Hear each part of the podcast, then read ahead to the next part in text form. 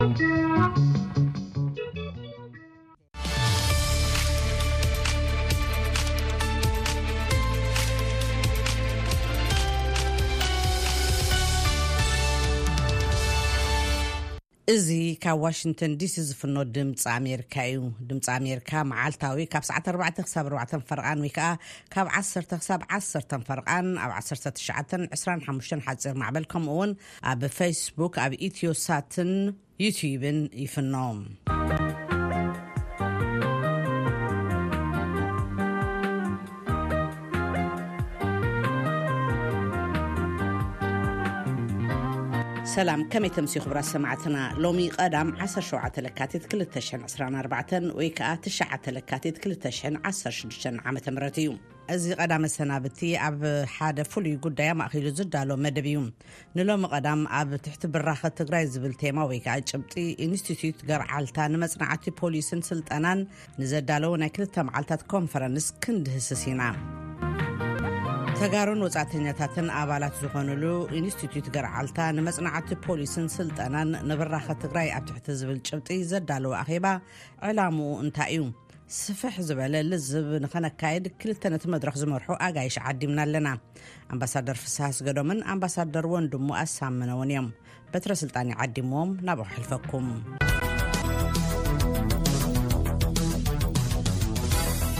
ርተኹም ኣብ ዋሽንግተን ዲሲን ኣብ ኒውዮርክ እናሃለኹምን እውን ብተደጋጋሚ ትቐርቡ ስለ ዝነበርኩም ብዙሕ ኢና ነመስግነኩም ሎሚ እውን ድሕሪ ዓመታት ድሕሪ ብዙሕ ሕማቕን ጽቡቕን ምርኻብና ብዙሕ ዘሐጉስ እዩ። እንኳዕ ደሓን ተመለስኩምና ክንብል ኣቐዲምና ሕጽር ኣቢልኩም። መንነትኩም እንተትገልጹ ጽቡቕ እዩ። ኣምባሳደር ፍስሃ ዶ ዕድል ክንበካ መጀመርያ። እሺ እግዜር ይሃበለይ በትረ ኣነ እውን ብጣዕሚ የምስግን ሰላም ኣምባሳደር ወንድሙ። ሰላም ዝበልካዮ ቪኦኤ ሕዝየ ቀሪበ እየ ምሳኻን ምስ ካልኦትን። ሕዚ ግን ንውሕ ዝበለ ግዜ እዩ ነይሩ እሞ ደጊምካ ስለ ዝዓደምካኒ ደጊመ ከምስግን የድሊ። የቕንየለይ። ጽቡቕ መቸም ብዕድመ እየ ኣምበሳደር ወንድሙ ቅር ከም ዘይብለካ ኣንታ እውን እናበልኩ እየ ዝዛረብ ዘለኹ ኣምበሳደር ወንድሙ ቀጽል። ብዕድመ እውን ኣብቲ ቢሮና እውን ሓለቓ እዩ ነይሩ ኣምበሳደር ፍስሃ እሞ እኳ ቀደምካዮ ደኣ ብዝተረፈ ስለ ዝዓደምካና ኣነ ውን ክተመስግን ይደሊ ድሕሪ ነዊሕ ግዜ ኢና ተራኪብና ናይ ማን እንኳዕ ኣራከበና ብሰላም። ጽቡቅ እሞ ኣምባሳደር ፍስሃ ኣብዚ እዩ ኣብ ኒውዮርክ ነይሩ እዚ ዝሓለፈ ክልተ ሰለስተ ዓመታት ጸላም ግዜ ኣምባሳደር ወንድሙ እስኪ ከመይ ሓሊፍዎ ኣበይ ኣሕለፍካዮ ኢልና ክንሳግሮ። እዚ ሓሙሽተ ዓመት እዚስ ኣብ ትግራይ እየ ያው እቲ ለውጢ ዝብሃል ምስ መጸ ኣብ ኢትዮጵያ ዳርጋ ሪዛይን ገይረ በሃል ይከኣል ካብቲ ዝነበርክዎ ናይ ወፃኢ ጉዳይ ቢሮ ናብ ትግራይ ተመሊሰ ኣብዚኣ ዩኒቨርሲቲ የምህር ነይረ ድሕሪኡ እቲ ኩነታት ተፈጢሩ ኣብኡ ኩልና ዓሲልና ኣብቲ ደገ እውን ወፂእና ምስ ብፆትና ብዙሕ ሪእና ብዙሕ ተቓሊስና ተመሊስና ኸዚ ትግራይ ሓድሽ ምዕራፍ ኣላ ኣብቲ ሓድሽ ምዕራፍ ድሕሪ ኩናት ዘሎ እውን ምስ ብጾትና ከመይ ጌርና ትግራይ ነሕዊ፣ ከመይ ጌርና ዳግም ንህነጻ፣ ገዲምስ እዚ መከራዚ ከመይ ጌርና ከይድገም ንግበሮ ኣብ ዝብል ምኽሪ ሒዝና ገራዓልቲ ኣይንስዩ እታ ዘለማ ሎማዓንቲ ዘራኸበትና መስሪትና ናይ ዓቕምና ንገብር ኣለና። የቐንየለይ። እሺ ሕራይ ኣምባሳደር ፍስሃ ንመቐለ ተመሊስካ ኣለኻ፣ ኣብ ዝተፈላለዩ ኣኼባታትን ንጥፈታትን እውን ትዋሳእ ኣለኻ። ድሕሪ ነዊሕ ዓመታት እውን ኢኻ ንመቐለ ንትግራይ ተመሊስካ። ጠቕሊልካ ዲኻ ኣቲኻ? ከመይ ከ ረኸብካዮ ዓዲ?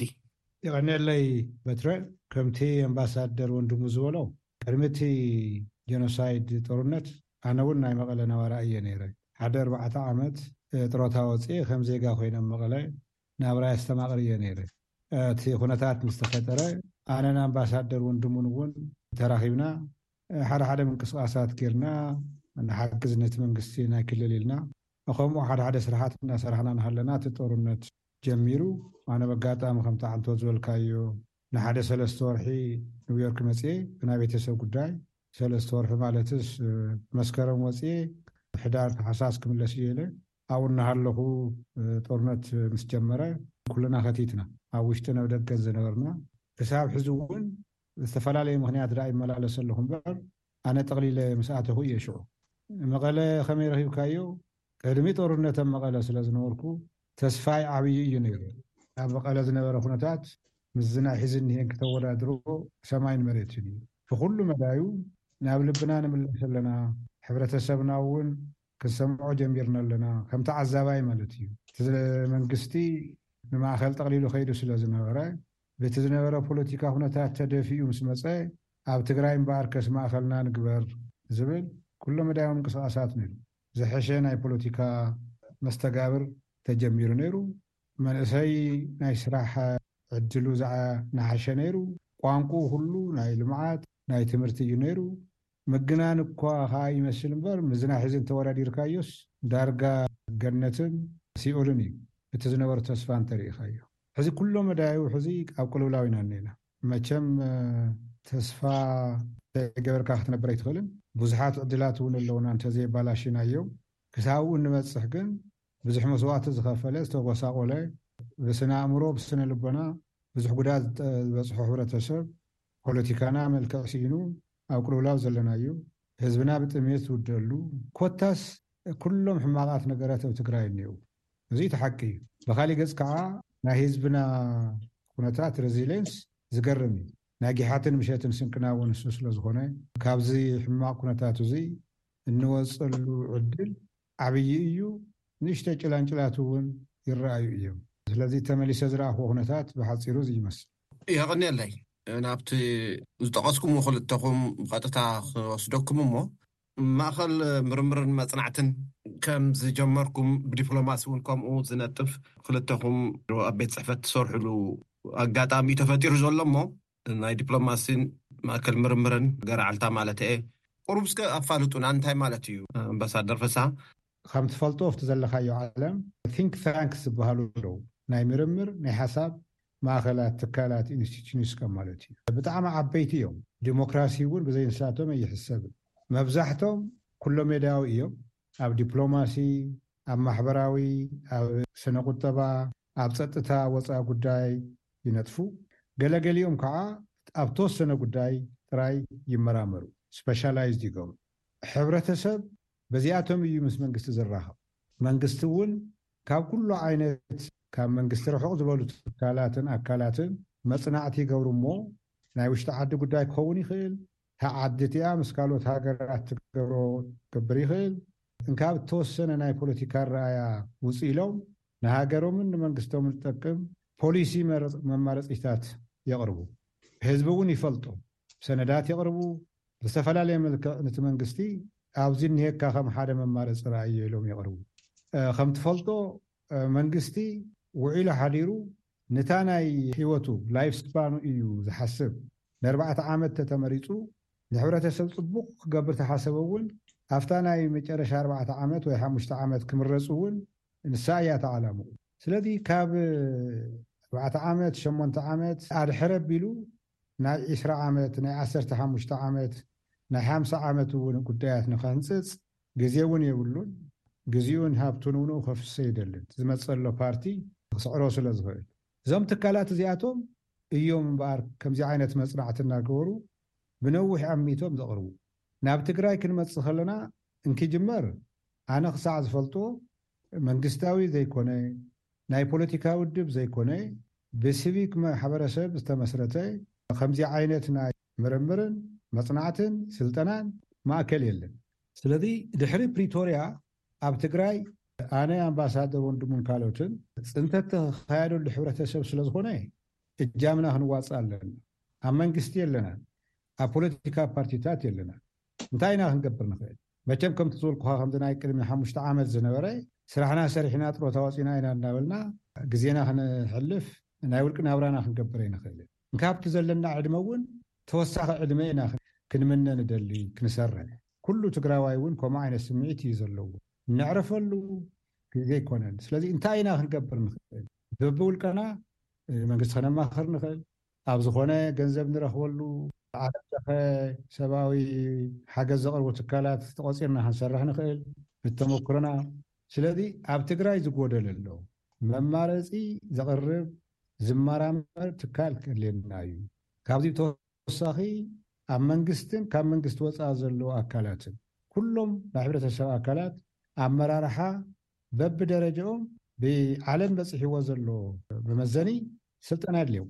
ፖለቲካ ፓርቲታት ኸመይ ገይሮም ከምዝክሰርሑ ከምዝኽእሉን ምስ ካልኦትን ከመይ ክኸዱ ከምዘለዎም ናይ ኣመራርሓ ስልጠና የድልዮም። እዙይ ተሰሪሕሉ ተፈቲኑ ዝኸደ ሳይንሳዊ ዝኾነ ኣካይዳታት ኣሎ። ናይ መንግስቲ ቢሮክራሲ መገልገልቲ ስልጠና የድልዮም።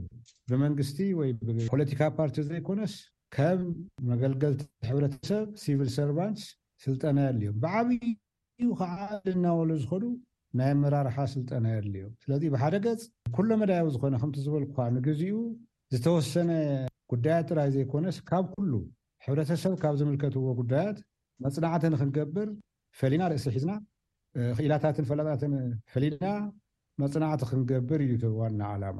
እቲ ሕዚ ዝረኣኻዮ ዘተ ኣብኡ ቕድሚ ምብፃሕና ኣብ ሕብረተሰብና ዘሎ ናይ ፖለቲካ ውጥረት ከመይ ጌርና ነትንፍሶ? ከመይ ጌርናኸ ብዝነኣሰ ምርድዳእ ንፍጠር? ዝብል ሓደ ናይ ቀዳምን ሰንበትን ዘተ ኢና ኣካይድና። ኩሎም ዝተጸበናዮም ነገራት እዮም ኮይኖም፣ ብጽቡቕን ብዘይጽቡቕን። ብሓፈሻ ግን ካብ ተጸበናዮ ንላዕሊ ኣወንታዊ ግብረ መልሲ ኢና ረኺብና።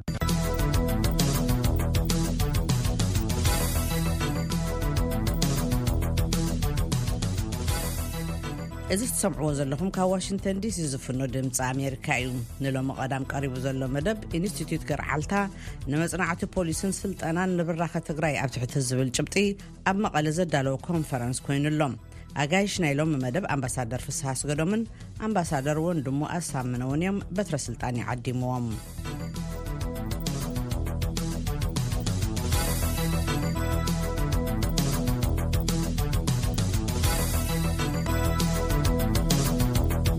ኣምባሳደር ወንድሙ ኣብቲ ቲንክ ታንክ ወይ ከዓ ማእከል መጽናዕትን ትንተናን ዝተባህለ ማለት እዩ፣ ምስቲ ካልኦት ኣብ ትግራይ ክተዕውትዎ ትደልይዎ መደባት ጠቐሲርካ እንታይ ምበልካና? እወ፣ እቲ ኣምባሳደር ፍስሃ ዝበሎ ከም ዘሎ ኮይኑ፣ እቲ ዝሓዝናዮ ዕማም ገፊሕ እዩ፣ እንታይ እዩ እቲ ናይ ትግራይ ነዃል እውን ብዙሕ ስለ ዝኾነ። ስለዚ ንሕና እቲ ደገፍ ክንህቦ ንደልዮ ነገር፣ እቲ ዋና ነገር ናይ ትግራይ ሕውየትን መሊስካ ህንጸትን ብምርምርን ብስልጠናን ምሕጋዝ እዩ።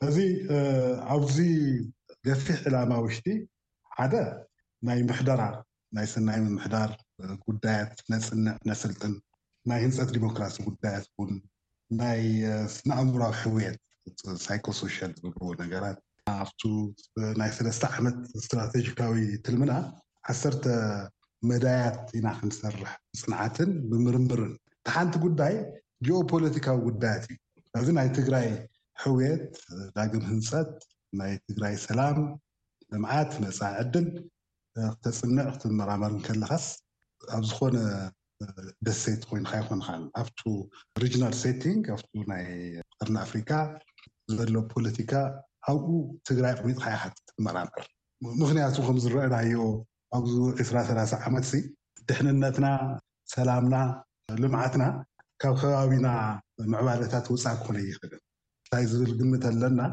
ዝኣክል ጽንዓት ኣይተገበረን። ኣብቲ ከባቢ ዘለዉ ተዋሳእቲ ድላዮም፣ ባህርያቶም እንታይ ምዃኑ ኣይፈለጥናዮን፣ ዘንጊዕና። ስለዝኾነ እዚ ዝገጠመና ናይ ኹናት ጽንተት ካልኣይ ከይመፅእ ንምክልኻል ተመፂኡ እውን ንምምካት ኹለን እተን ኣብ ከባቢና ዘለዋ ምዕባለታት ኣብ ቐረባን ኣብ ርሑቕን ክነፅንዐን ኣለና ካብ ዝብል ናይ ጂኦፖለቲካዊ ፅንዓትን ስልጠናን መዳይ እውን ኣለና ንሰርሐሉ።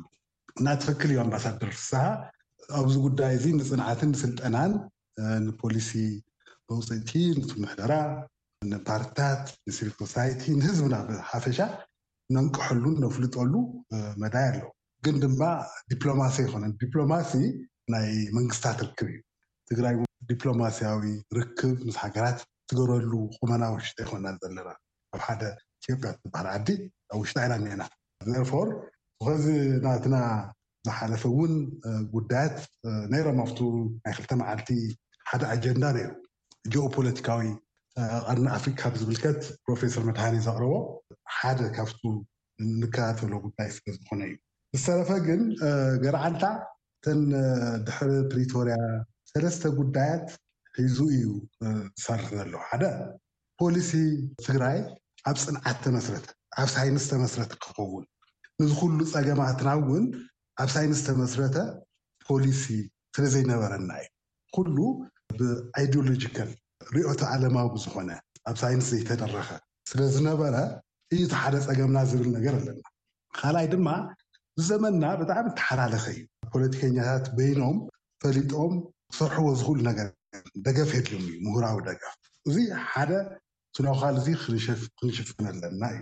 እቲ ካልኣይ ጉዳይ እንታይ እዩ ብሓቂ መርሚርና ቅንዕና ተሪእና ናይ መሪሕነት ምህዞ ዓቕሚ ፀገማት ኣለና እዩ። እዙይ እውን ብሓቂ ተቐቢልካ ንምቕያር ዓቕሚ መሪሕነት ምህናፅ ናይ መንግስቲ ጥራሕ ተይኮነስ ናይ ፖለቲካ ፓርትታት፣ ናይ ሲቪክ ማሕበራት፣ ናይ ቢድዝነት ውድባት እውን መሪሕነት ፀገማት ኣሎ። እዙይ ንሕና ኢና ክንሽፍሮ እንኽእል። መንግስቲ በይኑ ክሰርሖ ዝኽእል ነገር ኣይኮነን። እቲ ሳልሳይ ነገር ታይ እዩ? ናይ ፖለቲካ ባህልና ጸገማት ምኽንያት ተኸባቢርካ ተደማሚጽካ እሂን ምሂን ምባል መድረኻት ፈጢርካ ምዝርራብ ኣይተለመደን ኩሉ ጫፍ ጫፉ ሒዙ ንናባዕሉ ፖለቲካዊ ዕላማ ዝደፍኣሉ ኩነታት ኢና ርኤና እዚ ኣይረብሐናን ስለዝኾነ ከማና ዓይነት መንጎኛ ኣብ ፖለቲካ ዘየለ እዚ ኩነታት እዚ ክንፈጥሮ ኣለና ህዝብና ክመክር ኣብ ዓበይቲ ጉዳያት ዝመፀሉ መንገዲ ክምርምር፣ ዘለዎ ኹነታት ክፈልጥ፣ መፃኢኡ እውን ተመኻኺሩ ክሕንፅፅ መድረኻት ክንፈጥር ኣለና ካብ ዝብል ዝተልዓለ ትካል እዩ ገርዓልታ። እታ ናይ ብቐደማ ናይ ክልተ መዓልቲ እውን እታ ናይ መጀመርያ ፈተናና እያ። ክንመኻኸር፣ ክንዘራረብ ጀሚርና ኣለና። ድሕሪኡ እውን ክንገብሮም ዝሓዝናዮም ብዙሓት ጉዳያት ኣለዉ። እዚኤን ክብል ዝኽእል ኣስታ ናይ ኣምባሳደር መብርሂ።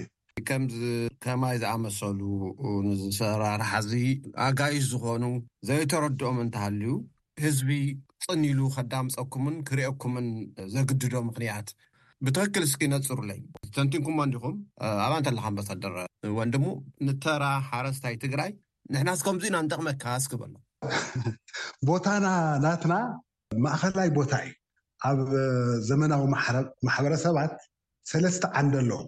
ሓደ መንግስታዊ ዓንዲ ኣሎ፣ ፖለቲካዊ ዓንዲ እዩ።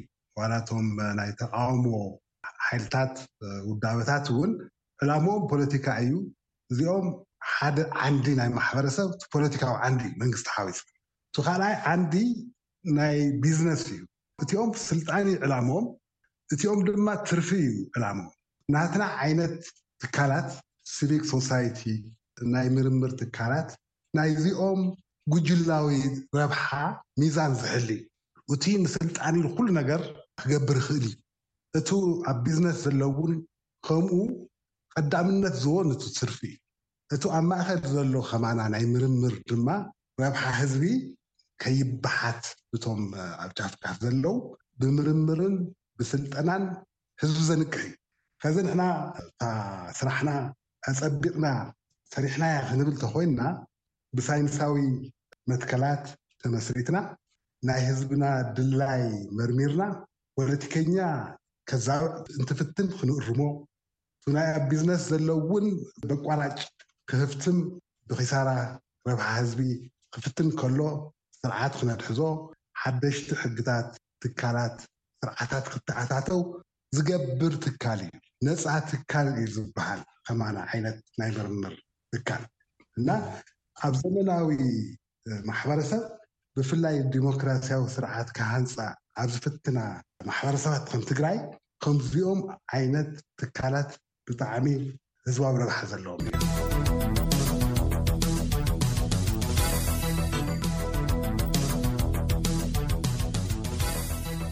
እዚ ትሰምዕዎ ዘለኹም ካብ ዋሽንግተን ዲሲ ዝፍኖ ድምፂ ኣሜሪካ እዩ ንሎሚ ቀዳም ቀሪቡ ዘሎ መደብ ኢንስቲትዩት ገርዓልታ ንመፅናዕቲ ፖሊስን ስልጠናን ንብራኸ ትግራይ ኣብ ትሕቲ ዝብል ጭብጢ ኣብ መቐለ ዘዳለዎ ኮንፈረንስ ኮይኑ ኣሎ። ኣጋይሽ ናይ ሎሚ መደብ ኣምባሳደር ፍስሃ ኣስገዶምን ኣምባሳደር ወንድሙ ኣሳምነውን እዮም በትረ ስልጣን ይዓዲምዎም።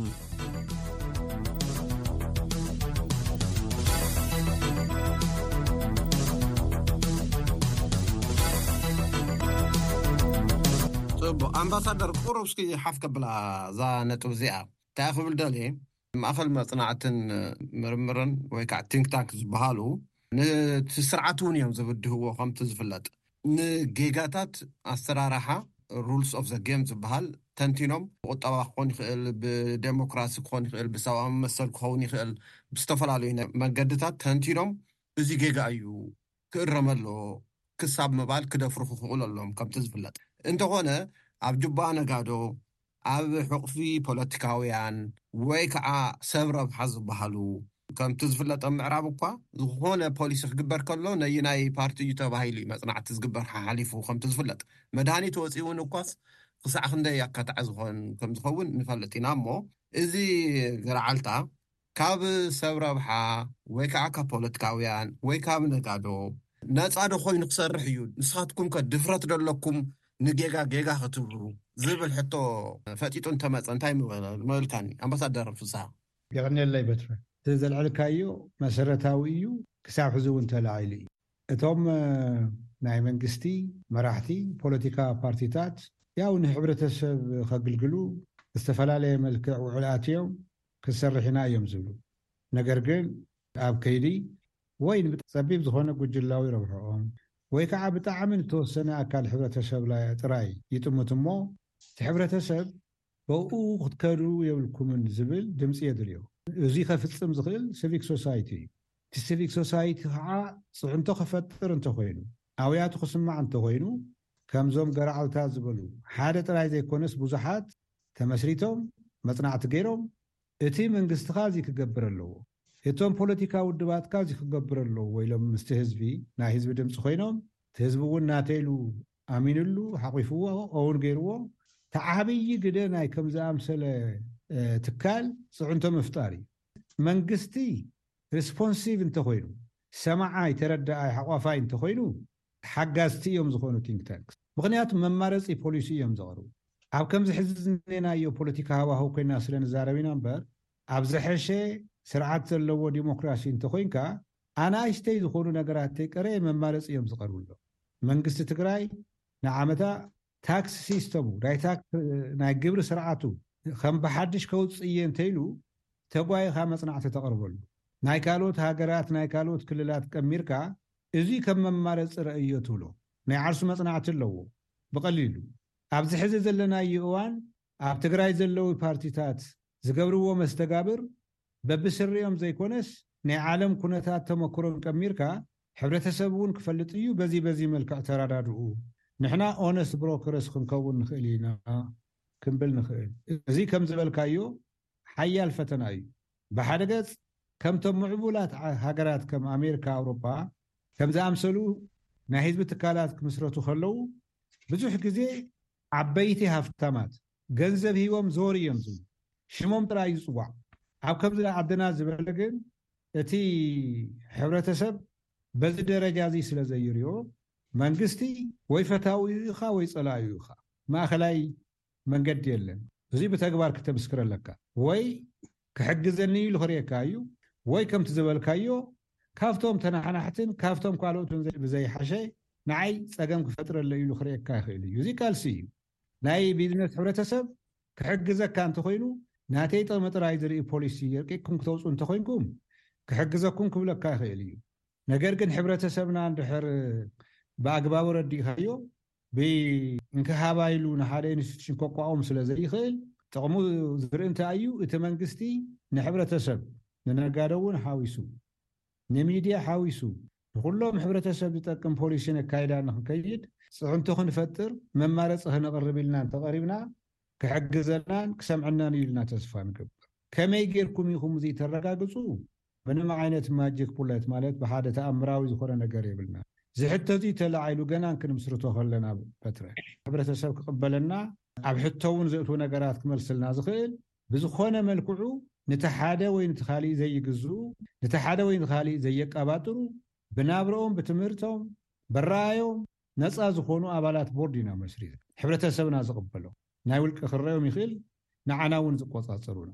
ካሊእ ኣብ ጁባ መንግስቲ ይኹን ካሊእ ከይንኣቱ ብተግባር ከምቲ ሕዚ ዝረኣኻዮ ዘተ ክነካይድ ኢና፣ መጽናዕቲ ክንገብር ኢና፣ መጽናዕቲ ዝገብሩ ባይዘወይ ኣነን ኣምባሳደር ወንድሙን ኣይኮናን።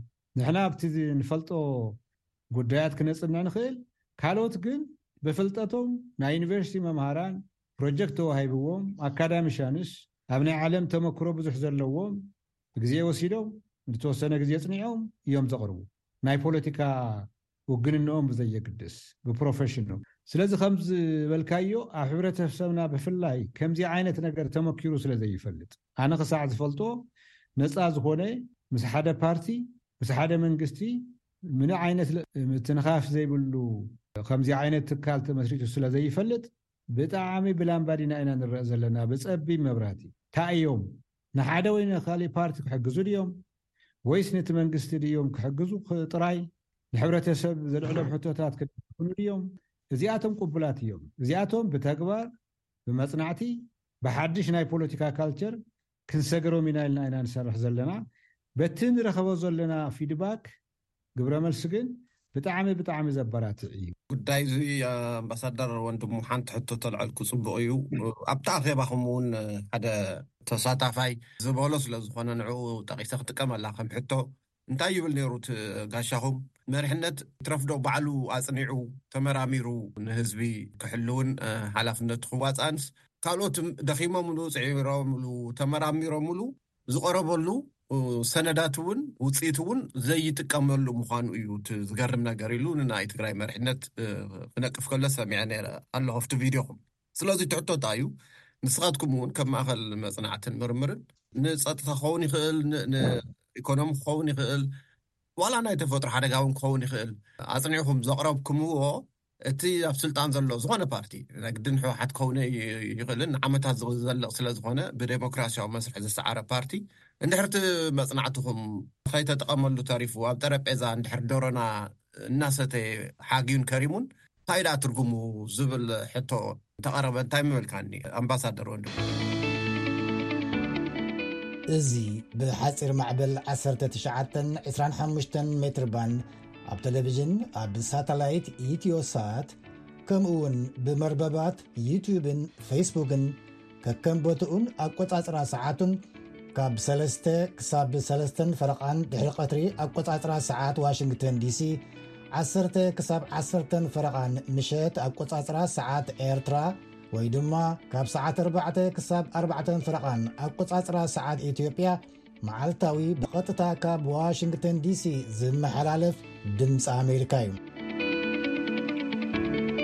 ቀጥታዊ ፈነወና ምዝሓልፈኩም ንዝሓለፈ መደባት ወትሩ ተመሊስኩም ክትከታተልዎ ምእንቲ ኣብ መርበብ ሓበሬታና ትግርኛ ዶት ቪኦኤ ኒውስ ዶት ኮም ናይ ትዊተር መስመርና ኣት ቪኦኤ ትግርኛ ከምኡውን ተመሳሳሊ ናይ ፌስቡክን ኢንስትግራምን ገጻት ቪኦኤ ትግርኛ ክትረኽቡና ትኽእሉ ኢኹም ኣብ መደባትና ዘለኩም ርእቶ ወይ ድማ ሸፈነ ዘድልዮ እትብልዎ ፍጻሜ ወይ ውልቀ ሰባት ምስዝህልው ድማ ብኢመይል ሆርን ኣት ቪኦኤ ኒውስ com ክትልእኹልና ትኽእሉ ድምፂ ኣሜሪካ መደብ ቋንቋ ትግርኛ